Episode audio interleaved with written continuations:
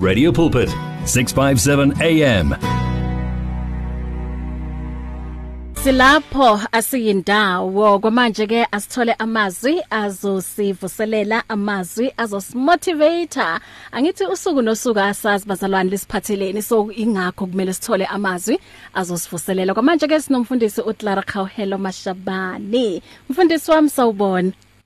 Sawubona sisibahle kunjani? Ngiyaphila wena unjani? Ngiyaphila sikhana sami. Amen. Sibonge ukuthi usinikeze isikhatsi sakho eh nakulolu suku njengoba ke uzosimotivate. Usiphatheleni today? Ngiyabonga kakhulu, ngiyabonga sisibahle. Eh ake ngithathe leli thuba kafishane ngibingelele abalaleli emakhaya. Eh siyambonga uNkulunkulu this is the third week sibonke. Mm. and and God has been great ever since we started. Emoyeni wami ke uh, last week as we were talking uh kuyafika emoyeni wami ukuthi kahle kahle le ndaba esikhulume ngayo egcineni it was supposed to be a topic of a day indaba yokuxolela. Remember as we were talking last week kwaba nendaba esayithinta kancane ukuthi ukuxolela but emoyeni wami kwazi ukuthi kahle kahle le ndaba it must be an issue of it of kuri ibe le letsatsi yona ile one. So ka tsheko le re sa ilo tsena mo tabeng ya motivation allow me emakhaya ukuthi sikhulume kafishane ngendaba yokuxolela. Si singabazalwane siyaphila siyamkhonza uNkulunkulu. Bazalwane siyanikela we are dedicated emsebenzini kaNkuluNkulu. But ngayinkonzo yahlula kahle kahle singabantwana bakaNkuluNkulu sihlulwa ukuxolela. Allow me today uh, this afternoon ukuthi ngikhulume nawe ngithi mina mlalele ekhaya kahle kahle indaba yokucelela nayo inkonzo iyabhezwa yeah.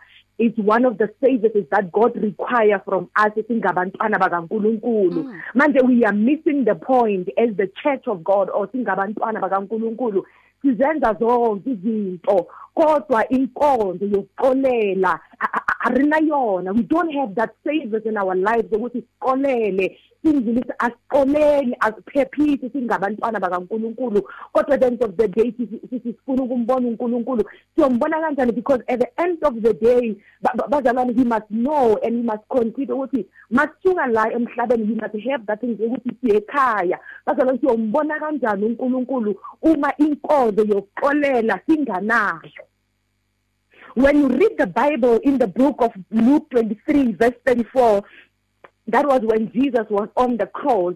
Ukhuluma lamazwi uthi baba bathethelele. In in my human mind as a person mina ngiyacabanga ukuthi kahle kahle when he was saying baba baxolele bekakhuluma in in, in a sense ukuthi uh, uh, uh, he said the verse 34 ithi baba baxolele ngokuba bakwazi abakwenzayo. Mina my human mind or because my human brain it tells me kahle kahle ukuthi these people knew what they were doing. My human mind tells me ukuthi they knew what they were doing. But but Jesus said forgive them for they don't know what they are doing. Mina ngizothi kuwe ekhaya namhlanje bazalwane siyobaxolela why sibaqola? Because nayo le yinkonzo. We are going to do it because this is the this is inkonzo that God is expecting from us. Singanikela sikwenze wonke bazalwane but if we lacking inkonzo yoxolela it's like we are not doing anything. Zokhuluma nawe ekhaya i've been talking to people several times abantu bangitshela ukuthi i remember i had a conversation with this woman uthi i'm still angry for my mother-in-law who passed 20 years ago. Singabantwana bakaNkuluNkulu siyanikela we doing everything but sihluleka nokuxolela nabantu sebandlule emhlabeni we can't even do it mm.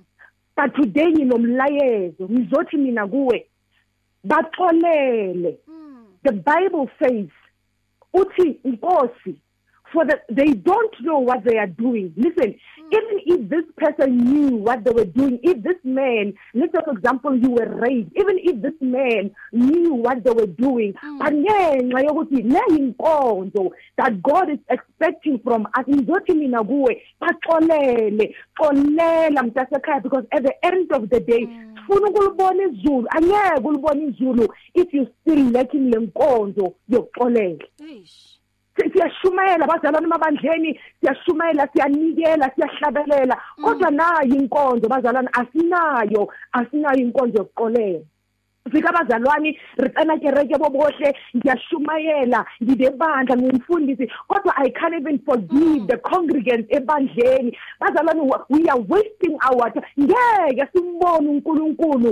If we still lacking inkonzo yokuxolela mntasekhaya baxolele because this is the savers that is that God is expecting from us.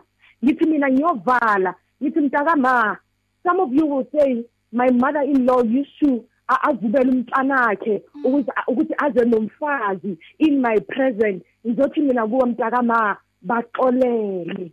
Lo mama wandlula or usekhona. Sometimes abantu they think ukuthi ukuthi sixolelane sesibahle needs to come to me and say Clara say Clara I'm sorry that I've hurt you. Sometimes it doesn't work like that mntasekhaya baxolele even if they are not sorry even if they didn't come. Why siyenza lento sesibahle because inkonzo nayo uNkulunkulu that is expecting from us singabantwana bakaNkulunkulu. Ngoba at the end of the day yekhaya bazala ngeke singene. Enqa yokuswela inkonzo ngiyabonga Uyazi mm. Sis Clara I'm I'm I'm in tears khona manje because mm. I know the pain yokungakwazi ukuxolela ukuthi usafara kangakanani mm. nokuthi mm. lesi silonda uyazi uma nje sithintheka kancane nje mm. uyazi siba siyavuka yazi sibe bhlungu so egcineni kulimala bani? Kulimala lo walesi silonda ongafuni ukuthi siphole. So exactly. yingakho ngithi um uyazi ngiyazi ukuthi how painful it is ukungakwazi ukuxolela. So siyambonga uNkulunkulu siyawubonga umoya ongcwele ukuthi today sila sikhona wasiza ukuthi sikwazi ukuxolela ukuze sikwazi ukuba nokuthula ukuze siphole emoyeni.